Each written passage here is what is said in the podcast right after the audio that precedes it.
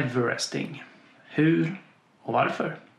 Om man inte känner till konceptet Everesting så är det någonting som blev ganska stort under coronapandemin. Det är, det är ingenting som eh, uppfanns då utan det har gjorts under väldigt lång tid när folk håller på med det. Och det går i stort sett ut på att man cyklar så många höjdmeter som Everest är, alltså 8848 höjdmeter.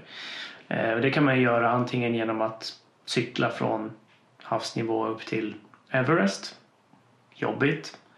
Eller så kan man cykla upp och ner för samma backe väldigt, väldigt många gånger.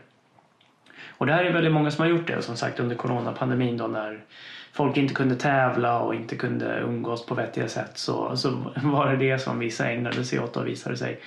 Eh, och rekord, världsrekorden för det då liksom slogs ju flera gånger i veckan kändes det som under en period där. Och nu ligger den på strax under sju timmar för herrarna och lite, lite längre tid för damerna då. Men för en, liksom en, en van, rimlig människa så tar det väl nästan 20 timmar att cykla 8848 höjdmeter. Och den här frågan om hur man ska göra det är väl kanske då några uppenbarligen som är intresserade av. Eh, vi återkommer till eh, varför senare då men, men just frågan om hur är en artikel som kom nyligen som har försökt besvara det då. För det här går ju att göra på väldigt många sätt. Alltså om vi bortser då från vilken cykel man har och hur man tränar och sådana här bitar så är det ju ganska viktigt vilken backe man väljer visar det sig. Det går ju liksom att göra det här som sagt på väldigt många olika sätt som kommer göra att man upplever eller man har en olika upplevelse beroende på vad det är för backe man väljer då. Men om man vill då försöka göra det så fort som möjligt så finns det vissa parametrar som den här forskargruppen då nu har försökt komma fram till vad det är för något. Och då är det ju då till exempel hur brant backen är och hur lång sträcka man ska köra innan man eh, vänder. Det är de två sakerna som jag tänker att vi ska fokusera på lite som en övning i att förstå vad det är som håller emot den när man cyklar. Någonting som jag tror, eh, liksom utöver då att hjälpa folk att cykla, och göra everesting snabbare, kanske kan hjälpa folk att, att cykla lite fortare i största allmänhet och kanske välja cykel och sådana här bitar. För det finns egentligen tre stora grejer som håller emot den när man cyklar. Den ena är rullmotståndet, det är alltså däcket i förhållande till marken, den friktionen som bildas där. Eh, den andra är vindmotståndet eller luftmotståndet, alltså då eh, energin det tar för kroppen att, eh, och cykeln att ta sig framåt genom luften. Och sen då gravitationen. Och när jag, senast jag köpte en riktig fräsig cykel då var det väldigt mycket gravitationen som man pratade om och det var väldigt mycket det jag tänkte på när jag valde cykel. Och då blev det en så lätt cykel som möjligt som jag valde. Eh, den var ju liksom inte maximalt lätt som man kan köpa men det var ändå det som jag fokuserade väldigt mycket på utöver då estetik och sådär då. Eh, och det, det, var liksom väldigt mycket en sån grej för då 15 år sedan eller när det var jag köpte den där cykeln.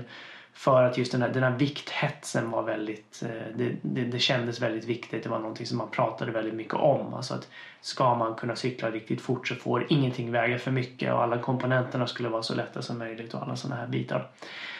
Det visar ju sig dock då när man som jag då cyklar i Sverige primärt att gravitationen är inte det som huvudsakligen håller emot den utan det är egentligen luftmotståndet. Därför att ju fortare man rör sig desto mer blir luftmotstånd eller desto större blir luftmotståndet. Inte primärt för att kroppen liksom behöver trycka bort luften som kommer framifrån utan mer för att när man klyver luften så bildas det en ficka av eh, lågtryck bakom kroppen och bakom cykeln och bakom armarna och sådär då som liksom suger baken. När man cyklar då i hastigheter på liksom 30-40 km i timmen då är det här liksom en väldigt viktig komponent. Det är väldigt mycket av den energin som kroppen eh, liksom utvinner eller uttrycker som, som går åt till att övervinna luftmotståndet. Tittar man på löpare så är det absolut en faktor men det är mer en faktor för de som springer riktigt fort. Alltså typ 1500 meters löpare eller liksom definitivt 800 meters löpare eller sådär. Eh, men även då folk som springer maraton riktigt fort. Så det här såg man ju då på Nikes Breaking 2-försök och på det här Ineos-försöket där man lyckades komma under två timmar på maratondistans. Och att en av faktorerna där var just de här farthållarna som man hade med runt Eliud Kipchoge. Som då förutom att hålla farten och liksom ha den här psykologiska motivationen och pacing-grejen eh, väldigt mycket skyddade honom från eh, luftmotståndet. Så det var folk framför honom som klöv vinden. Men de, de hade också folk bakom då som förlängde den här zonen av lågtryck bakom vilket gjorde att det var mindre som höll bak honom då i form av eh, luftmotstånd. Så det är, det är en faktor för, för löpare som springer riktigt fort men för liksom även keffa cyklister som jag så blir det en faktor. Och det är en mycket större faktor än gravitationen när man cyklar i liksom vanlig terräng. Det ska bli ganska branta backar innan det börjar bli gravitationen som är det stora. Eh, rullmotståndet som man har det kan man ju liksom optimera genom att ha bra däck och försöka välja underlag som inte är alltför skakiga. Men när det gäller just då om det är gravitationen eller luftmotståndet som är det stora då är det just hastigheten. Ju högre hastighet desto mer luftmotstånd, desto mer energi som går åt till det. Och ju brantare backe desto mer gravitation som håller emot den. Och det här blir en riktigt stor faktor när det gäller just everesting då därför att poängen här är ju inte att cykla så långt som möjligt utan det är att cykla eh, högt fort. Så högt som möjligt fort. Så alltså 8848 meter så fort som möjligt. Sträckan som man gör det på är helt irrelevant. Den kan för all del vara så kort som möjligt. Det går ju inte att den är exakt lika hög som eller lika lång som höjdmetrarna för då hade ju backen sett ut sådär. Det kan man inte cykla upp för. Det måste vara någon form av lutning på den här backen. Det är liksom den första av de här faktorerna. Vilken backe ska man välja? Vilken lutning ska man ha på backen? Då kan man kanske tänka sig att man ska ha ganska lite lutning för att det ska vara ganska lätt att trampa på. Man kanske ska vill, man vill ha lite momentum med sig och inte behöva liksom hela tiden skapa energi för att röra sig framåt. Men det är ju så då att ju mindre lutning du har desto mer måste du liksom, desto längre måste du åka och desto fortare går det. Vilket innebär att du får mer luftmotstånd. Så mindre energi går åt att klättra och mer energi går åt att övervinna luftmotståndet. Därför blir det väldigt bra med en brant backe. Författarna till den här artikeln gör en matematisk modell till det här. De kommer fram till att någonstans mellan 12 och 20 procent är en bra lutning på backen. Det är en väldigt, väldigt brant backe. Alltså det är liksom det är inte riktigt som en trappa men det är, det är, inte långt därifrån. Vilket innebär att du kommer behöva ha lätta växlar och här blir verkligen vikten oerhört viktig. Alltså du får inte ha ett gram för mycket överhuvudtaget vilket innebär att du helst inte ska ha med dig liksom vatten och mat så att du ska klara dig över en lång tid utan det ska egentligen bara vara för en repetition vilket innebär att i botten av backen då, eller där du vänder för att börja cykla upp igen där ska du ta vattenflaska och en gel eller något liknande och inte bära med dig onödigt mycket. För det ska vara en riktigt, riktigt brant backe för att det ska gå fort som, så fort som möjligt.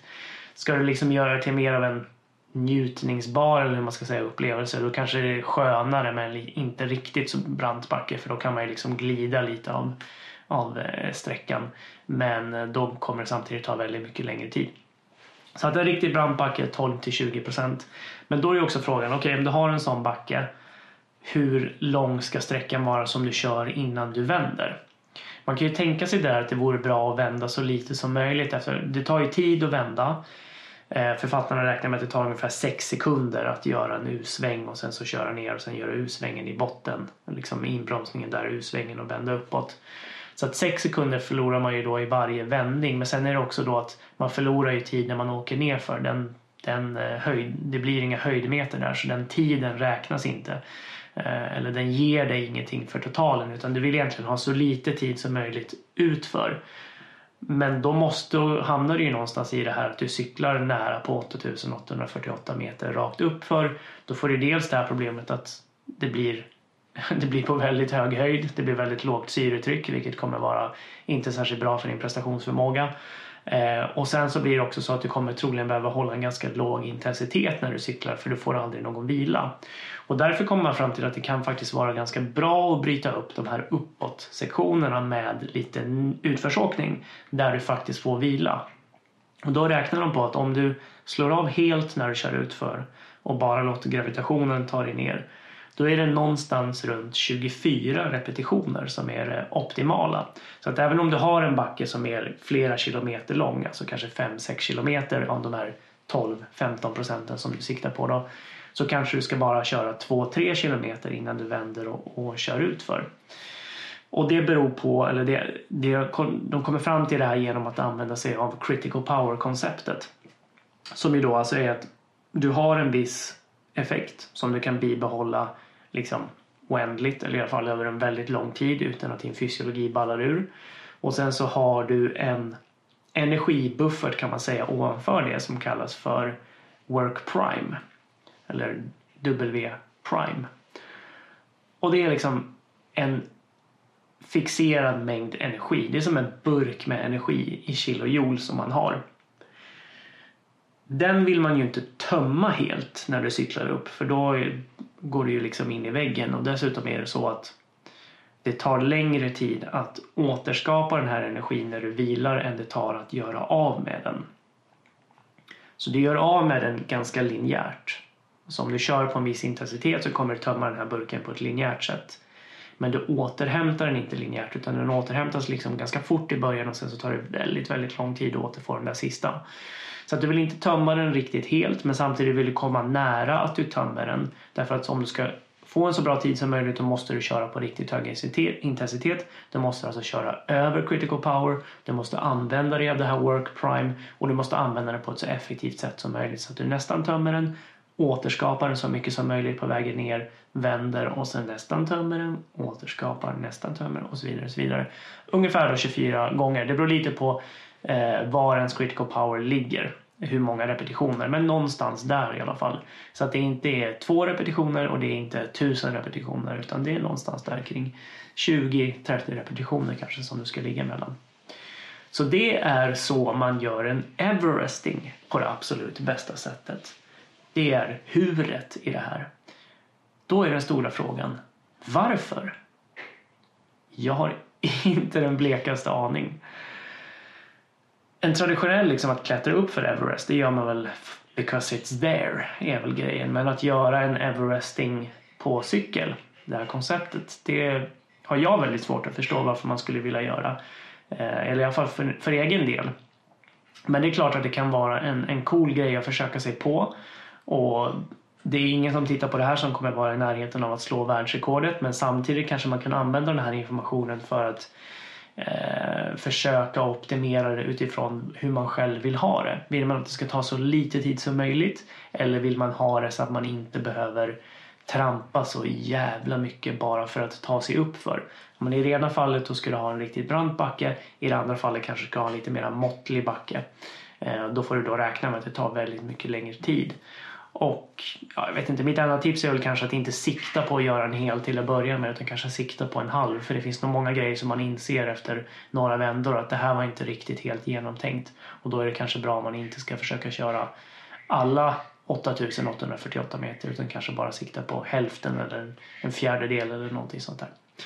Så att lite en övning i att förstå vad det är som håller en tillbaka när man eh, cyklar och hur man kan överkomma det och vad man ska fokusera på. Och sen då om man nu är intresserad av att göra någon form av everesting, hur man kan lägga upp det. Det var allt för idag. Vi ses och hörs när vi gör det.